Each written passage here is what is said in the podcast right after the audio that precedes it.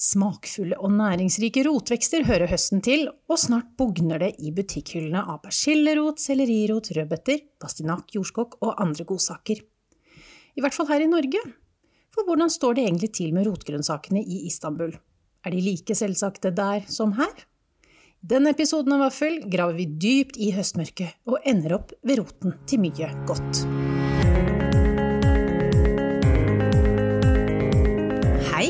Jeg heter May-Britt, og jeg sitter her på kjøkkenet mitt i Oslo. Og jeg heter Vidar. Jeg sitter på mitt kjøkken i Istanbul. Velkommen til Vaffel, en podkast om mat.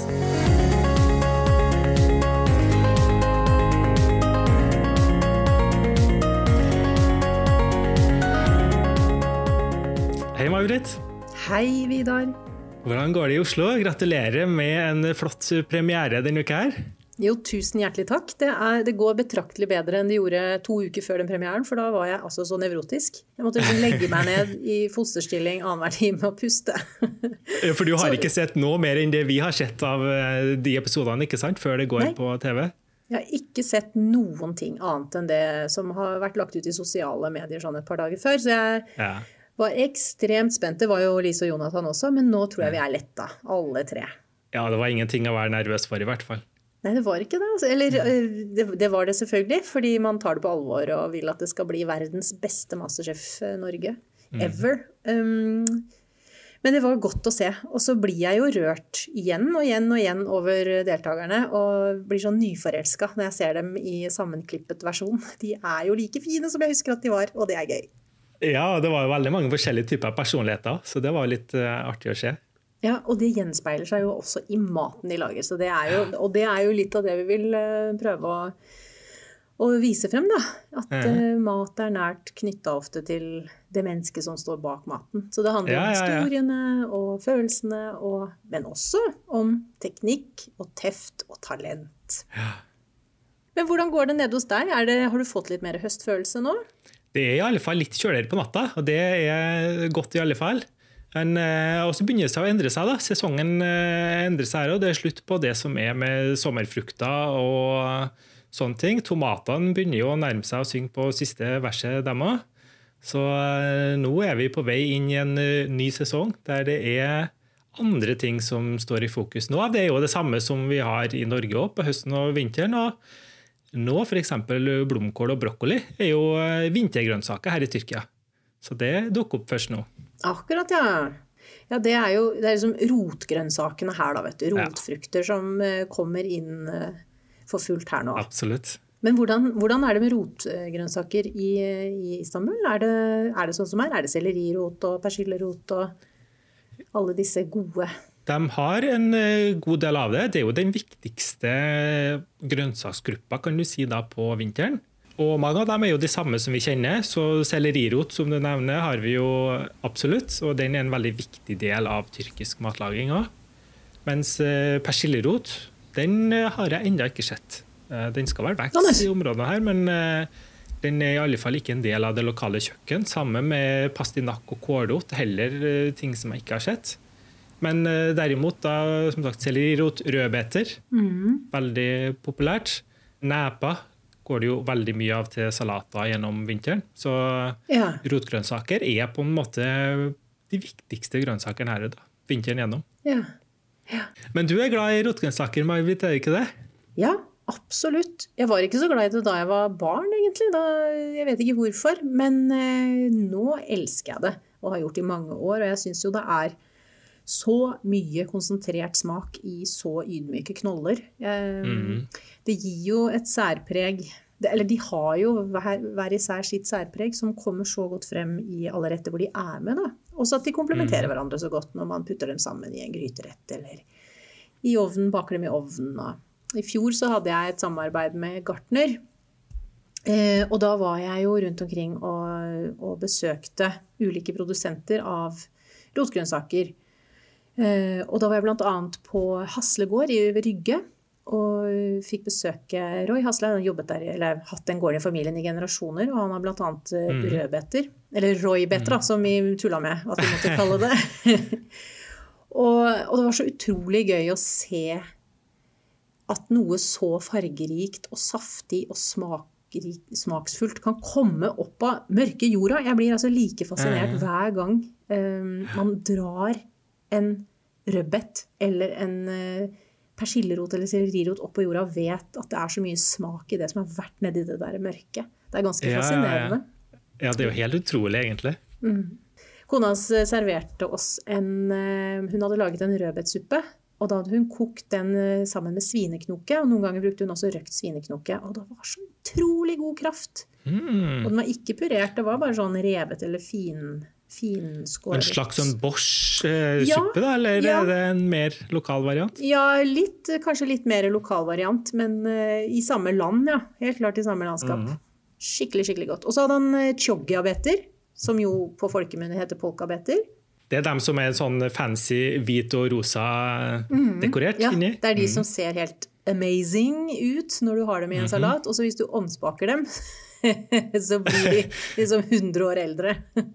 Ja, det, det blir litt sånn, sånn ferske bolotti-bønner. Ja. Vi har jo ikke de der fargerike betene her i Tyrkia, men vi har bolotti-bønner på sommeren. Ja. Det er jo de der skikkelig knall rosa, hvitspragla bønnene. De er vakre. Jeg så du la ut noen. Ja, ja, de ser jo så smashing ut. Og så må du jo koke bønner før du skal spise dem, og da blir de jo bare en sånn brun eh, Generisk brun bønne nesten etterpå. Veldig god på smak, da, men eh, liksom Ja. den eh, ma magien forsvinner jo litt. Ja, det er som å ta med deg den dama hjem, og så våkner du neste morgen, og så var det bare en illusjon.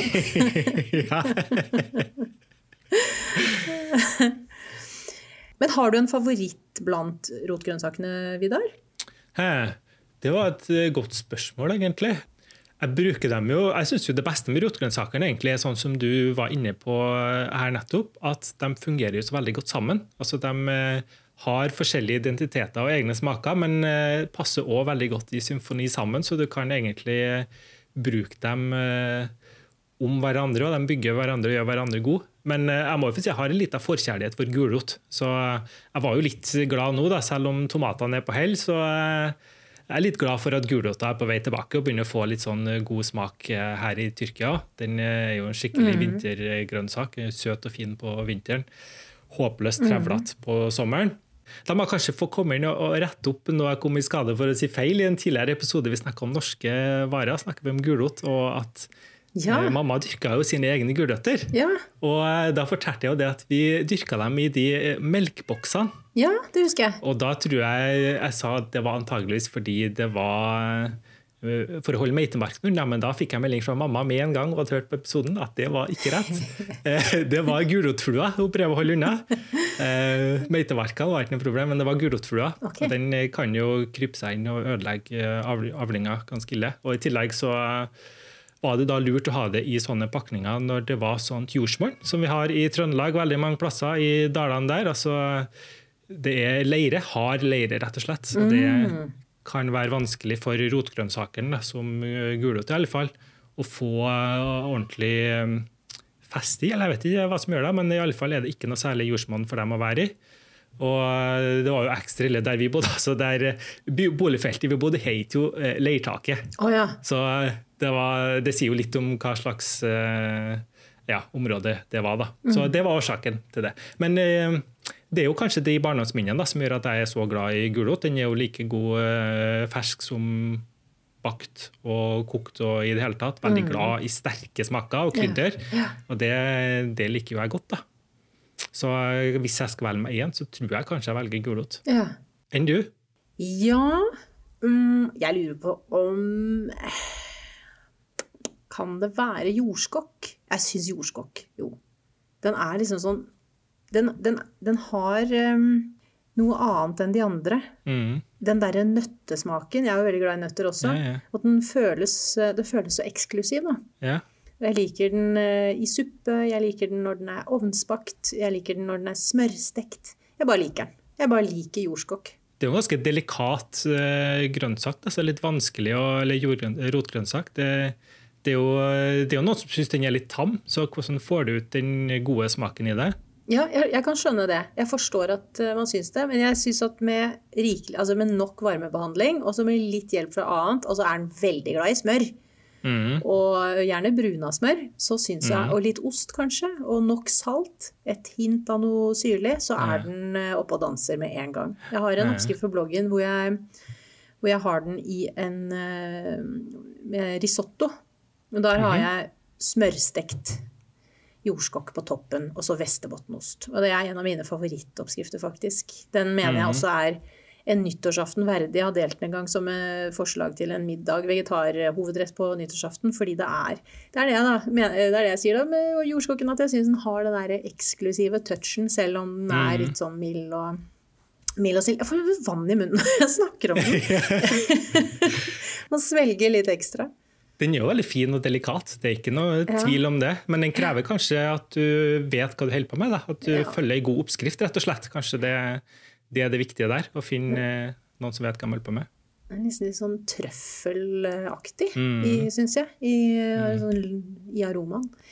Det morsomme med jordskokk er at det har så mange fine navn på forskjellige språk òg. Ja. Engelsk kaller de det jo eh, Jerusalem-artisjokk. Ja, det er vakkert. Nei, det har ikke noe med artisjokk å gjøre. Jeg vet ikke hvorfor, det, men Jeg vet du hva det heter på tyrkisk? Nei. Her heter det for jordeple. Gjør det det? Ja, ja, ja. Oh, ja. Så, det, så det er alle måter å kalle grønnsaken på uten å gi den et eget navn. Bare ja. med referanse til andre. Om det er artisjokk eller eple. Jeg vet ikke hvorfor det er sånn. Men, men det er jo på fransk er jo poteten et jordeple. Pomme de terre. Ja, det og på nederlandsk mm. ardappel. Mm. Mm. Nå håper jeg jeg sa det riktig på nederlandsk. Jeg pleier å, De gangene jeg har, har uh, hatt den sammen med f.eks. Jeg har en blomkålsuppe uh, også, hvor jeg har i litt mm. jordskokk. Og mm. Hver gang jeg har servert den, så sier folk at det var utrolig god blomkålsuppe. Hva er det du har i den? Og da er det det derre ja, ja, ja. lille hintet med jordskokk. Så, Som en sånn mild trøffeltone til suppa. Akkurat. Og så jordskokkchips, da. Jeg klarer nesten ikke å si det engang, for jeg blir så, blir så ivrig. Mm. Fins det noe bedre enn det i chipsverdenen? Jeg veit ikke. Jeg tror ikke det. Ja, det var favoritten min. Det var liksom, jeg er ikke noe stor sånn snackser sånn generelt, men da jeg var i England, så hvis jeg kjøpte meg noe sånn greier, så var det ofte sånn chips av rotgrønnsaker. Mm. Og da var det jo jordskokk og rødbete som var de to eh, desidert beste. Ja, pastinakk òg veldig godt. Ja, pastinakk er kjempegodt. Men jeg, jordskokken er litt sånn altså den, eh, Når man skal tilberede den, så skal man være ganske rask med å få den i et sitronvann, fordi den oksiderer jo veldig raskt. Akkurat som ja. mm. artisjokk. Så kanskje mm. det er derfor det heter Jerusalem-artisjokk. Ja, kanskje det. Men hvor er Jerusalem? Ikke, men vi, la oss si at det kan hende. ja, ja. Jeg har faktisk eh, snubla over en eh, salatoppskrift som jeg syns var veldig god. Veldig enkel, men veldig god. Der ja. de brukte faktisk jordskokken rå. Oh, det har jeg aldri prøvd i veldig, veldig veldig tynne skiver. Da blanda med like deler spinat. Ja. Og eh, godt med rødvinseddik. Mm. Og olivenolje. da. Og Det er veldig veldig enkelt, men veldig veldig godt. Det hørtes veldig godt ut. Så eh, da får du liksom de gode smakene av jordskokken uten at uh... Er det pappa? ja.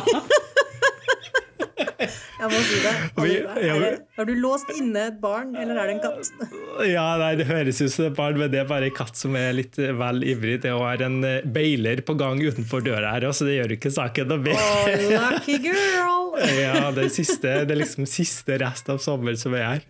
Så vi får bare leve med at hun er i bakgrunnen i dagens episode. Forstår henne. Jeg forstår henne fra dypet av mitt hjerte. Men altså, det, hør, det hørtes ut som en nydelig salat. Men mm. du, men jeg har tenkt på det med eh, rødbeter.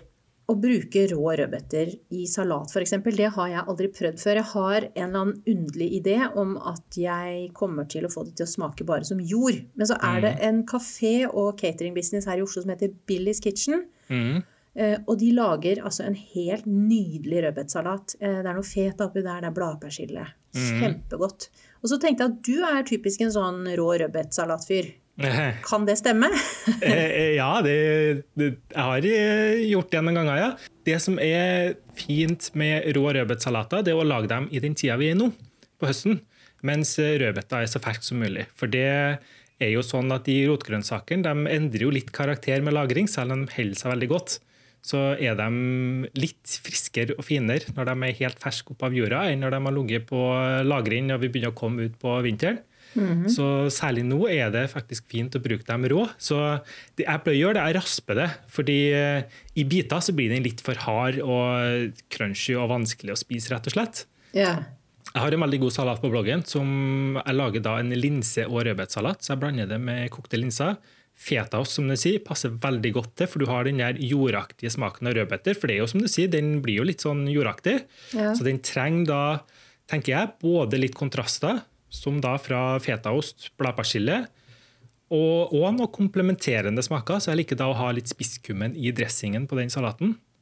Så um, får du eh, både bygd opp under eh, rødbeta sin eh, særegne jordaktige smak, samtidig som du da får inn det friske, litt sånn kontrasterende salte elementet, for du må jo ha noe som er litt uh, trøkk i. Ja. Rødbet, rødbeta trenger jo litt sånn punch Ja. i eh, det som er rundt den. Og det gjelder også når den er rå. Og så trenger den fett. Og jeg tenker at en litt sånn fet geitost er god da, for du må runde av det der. Det er deilig Mm. Ja, med det som er saftig og, og friskt og, og pikant og alt det der. Men Mm. du må jo liksom rundes av med en feit fetter. Ja, nettopp. Da, jeg brukt faktisk, eh, Det står jo vanlig fetaost i oppskrifta mi, men jeg bruker jo ofte fetaost av geitost. da. Den blir jo enda mer karakter på. Mm. Så det, hvis det er noen som finner det, så er det veldig fint å bruke. Tenker du at man kunne marinert eh, rå, i rå rødbet eh, hvis man river det grovt, eller i veldig tynne staver, Mm. og så marinerer det natten over i en dressing med liksom sitron og kanskje litt honning og god olivenolje og de krydderne, så kanskje det bare blir enda mer sånn rundet av. At ikke det føles som om man sitter Jeg er jo så redd for at jeg skal, jeg skal ende opp med å sitte og føle at jeg spiser jord og er tre år gammel. Jeg lover det, den rødbetsalaten min den, eh, som jeg snakker om nå, den føler du ikke at du spiser jord. Men jeg, er litt, jeg, er litt, jeg har ikke prøvd det du snakker om, da, å marinere den på den måten. Men jeg er litt redd for at det skal bli litt sånn slapp. da, At det blander seg litt for mye smakene over natta.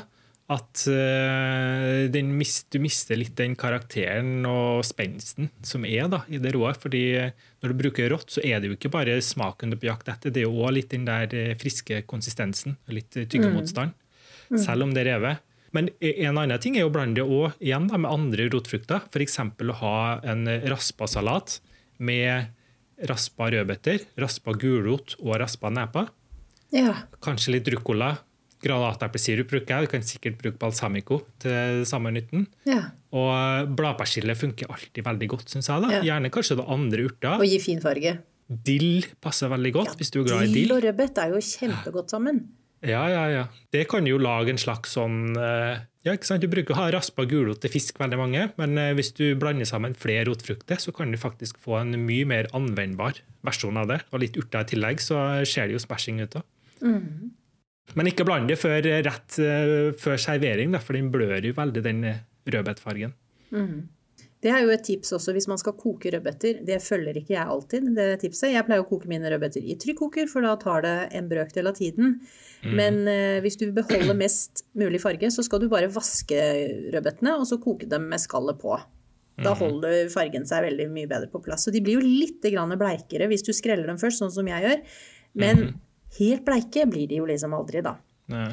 Men jeg tenkte på det du sa med lagring av rotgrønnsaker, for det er jo det jeg også syns er så, er så forsonende med disse ydmyke knollene, er jo at de holder seg over vinteren. Så hvis man, eller gjennom vinteren og til langt ut på vårparten. Så hvis man vil ha Prøve å spise norsk eh, lokale Ja, lokalt og lokalt. Det blir ikke så lokalt når du bor i Oslo, for alt må fraktes hit nesten. Men hvis du vil prøve å spise norske grønnsaker gjennom vinteren, så er det jo ikke så mye å velge i. Men rotgrønnsakene, de er der.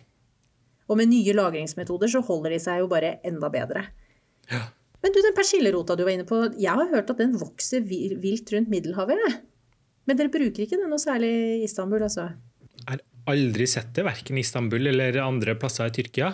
Vi har jo veldig mange regionale og til dels ekstremt lokale kjøkken også, da, i Tyrkia, så jeg er sikker på at det finnes noen landsbyer rundt omkring der de har spesialiteter der de bruker den masse. Eh, hvis det er sånn at den vokser her, men jeg har aldri sett det kommersielt tilgjengelig. i alle fall. Så um, det er jo litt sånn, Jeg er jo glad i både persillerot og pastinakk og kålrot nevnte jeg jo, en annen rotfrukt som vi ikke har her. Men uh, det har jeg ikke sett her. Men, uh, men sellerirot, det har dere. Det har vi, og den er faktisk en viktig del også av uh, matkulturen her. I, både i Tyrkia og i Midtøsten også brukes den veldig mye. Hva bruker dere den til? Det er jo sånn her at De fleste ingredienser i det tyrkiske kjøkken de har egentlig én eller to bruksområder som er det vanlige, og alt annet blir liksom veldig annerledes og eksotisk. Liksom, å ja, du gjør det sånn, du, ja.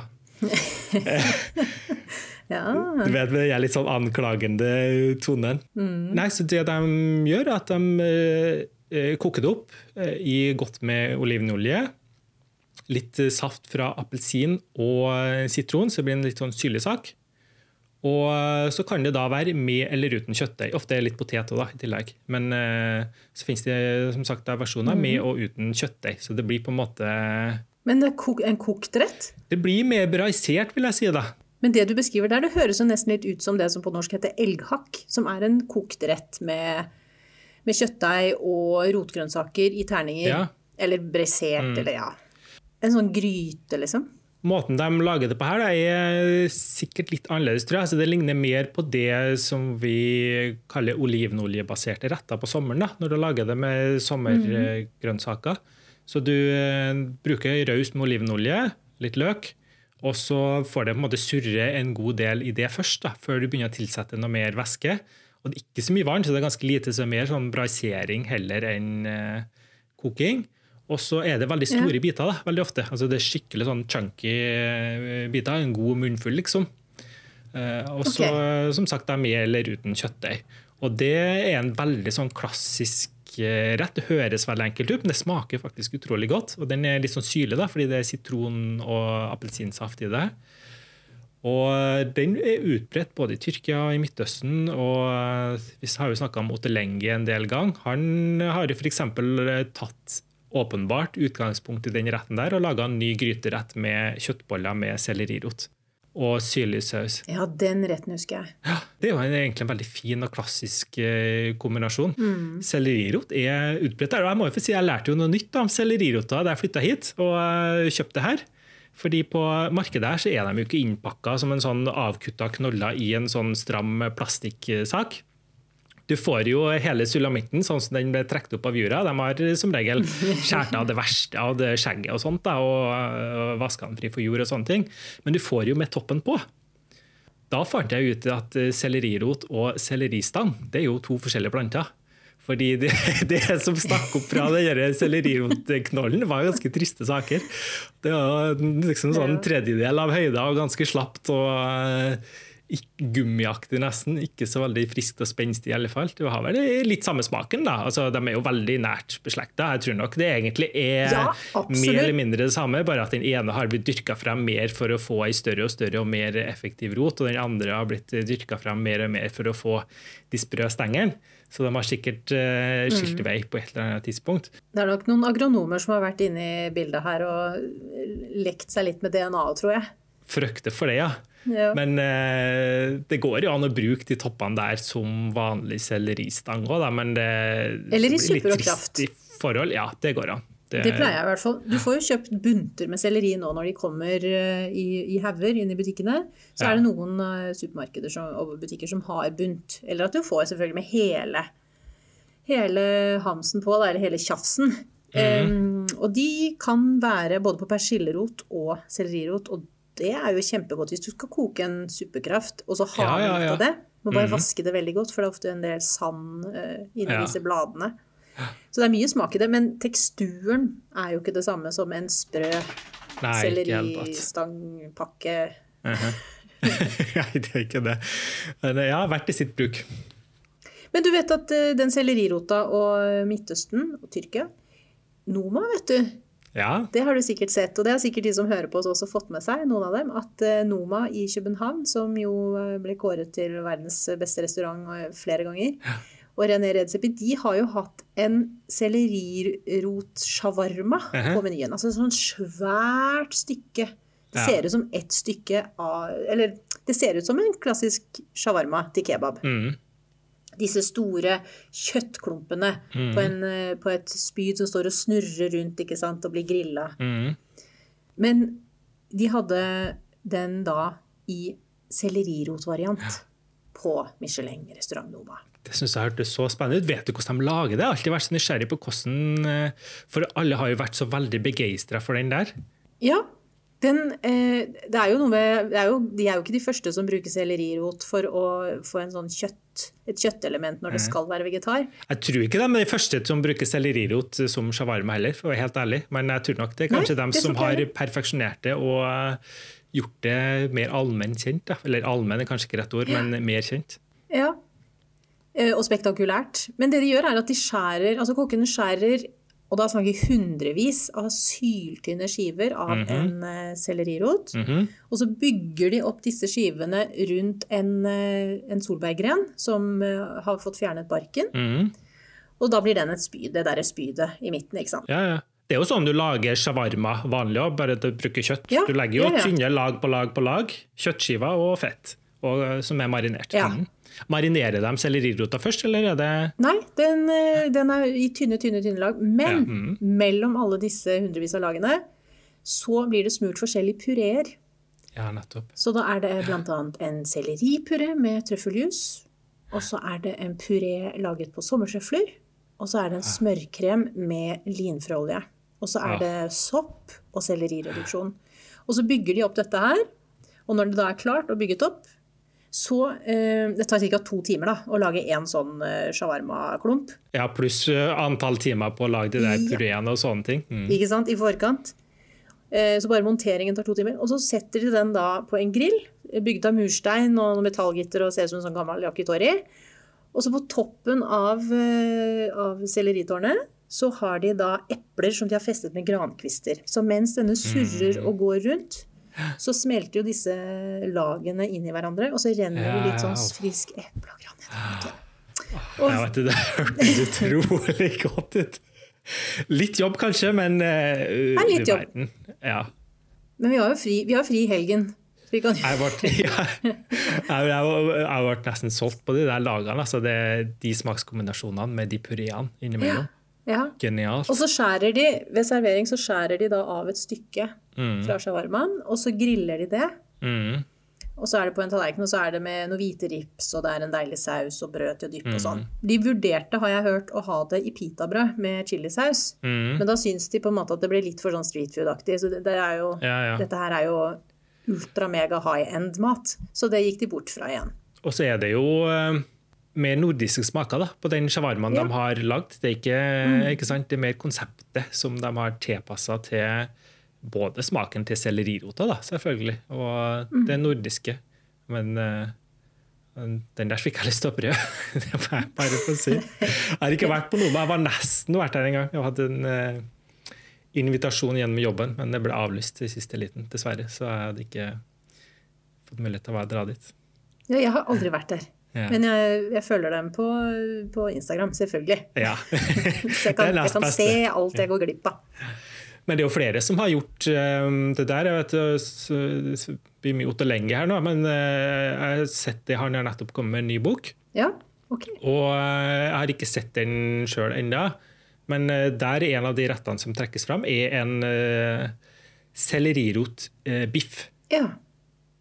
Hvordan lager han den, da? Så vidt jeg kan se, jeg har jo som sagt ikke sett eh, boka, så jeg har ikke sett uh, oppskrifta, men ut fra det jeg har sett beskrevet, så virker det som det er snakk om eh, en prosess som er litt enklere enn det som er på Noma. Det er da ovnsbaking, ganske lang tid til den er mør, og så skjærer de det opp i skiver med skallet på, visstnok. Så du må sikkert være ganske god på å rense det skallet først. Og så setter de det under grillelementet og griller det der. Ja. Og så er det helt sikkert veldig mye smaksetting både underveis og etterpå i det hele tatt ved siden av. Um, men det var si, stekemetoden. da, uh, virker som er på den måten. Og det ser jo ut på bildene i alle fall, det, det gir en veldig sånn kjøttaktig konsistens, er vel ikke kanskje rett, men det er en ganske sånn uh, fast og god egenart på det. Mye smak. Og så er det tror jeg, selleriroten, når, får, når den får nok varmebehandling og karamellisering, så får du jo så mye umami.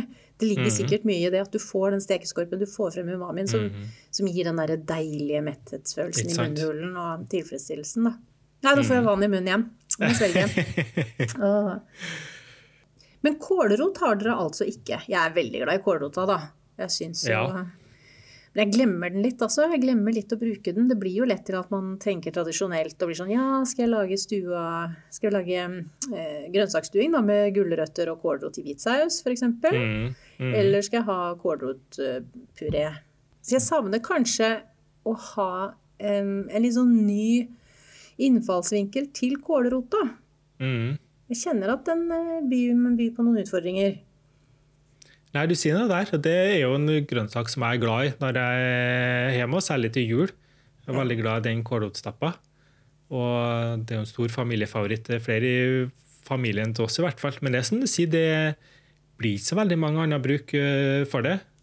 Men jeg har et tips som jeg har tatt fra en av de gode gamle, Ingrid Espelid Håvig. Mm. Hun har en episode, hun har sikkert flere som handler om vintergrønnsaker, men en av disse fra 70-tallet, som ligger på, på nettsidene til NRK, der lager hun vintergrønnsaker. Og da rasper hun eh, kålrot og gulrot, og så lager hun en sånn eh, panne med revet kålrot og gulrot, og så med egg over.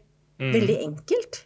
Ja, ja. Men så tenkte jeg ikke så godt, egentlig. Og man kan jo, kan jo spice det litt opp, da. Man kan jo ha oppi litt purre, og man kan jo ha oppi noen krydder. Og man kan ha oppi sånn eh, muskatblomme, som vi snakket om forrige ja, ja, ja.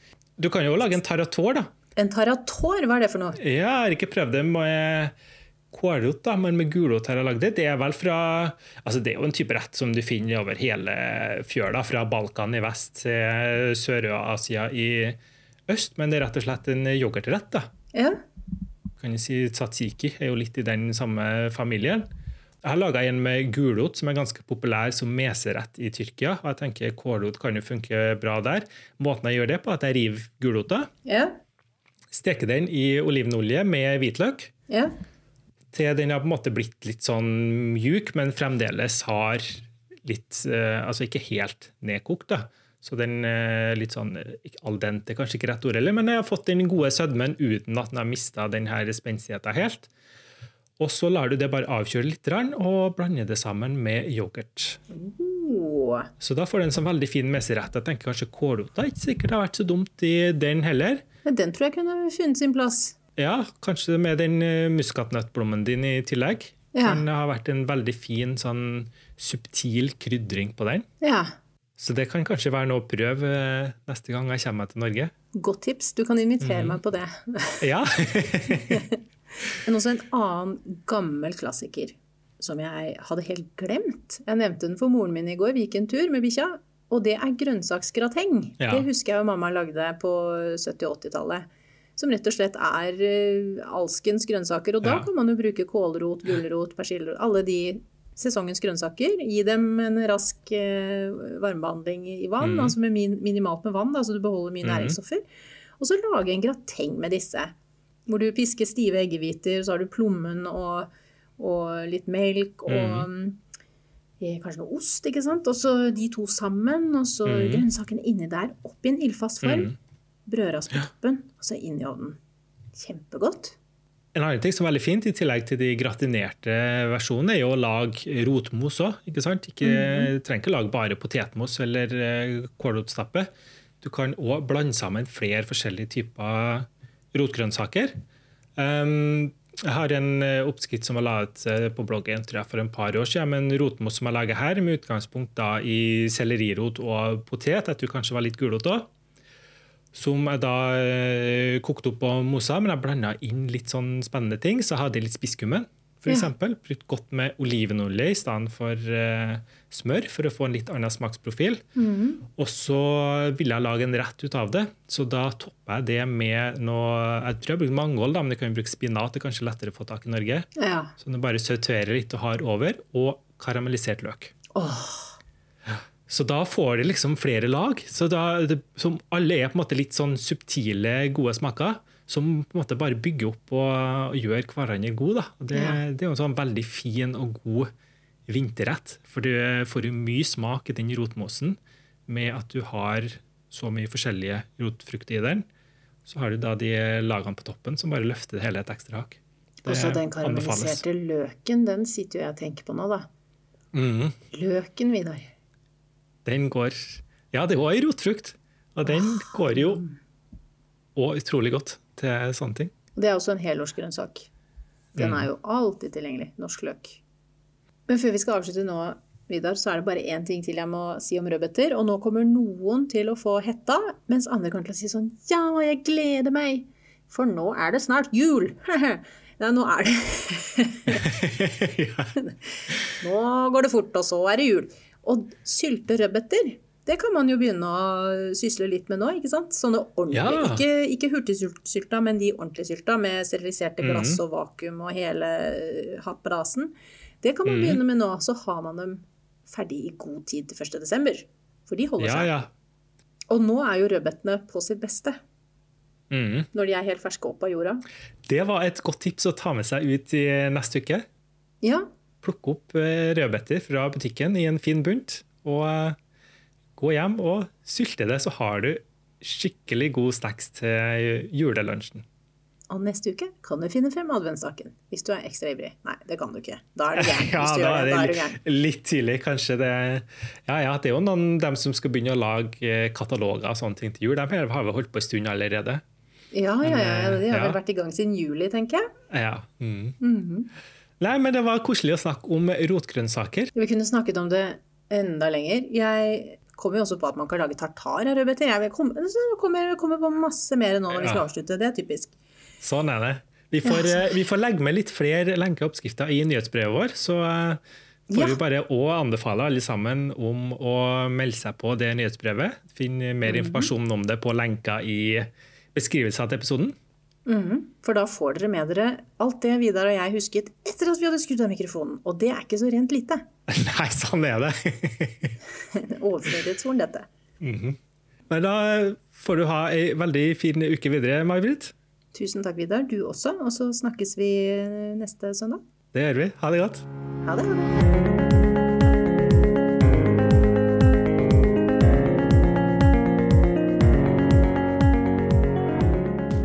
Fikk du lyst til å prøve noen av rettene vi snakka med denne episoden, finner du dem i det nye nyhetsbrevet vårt.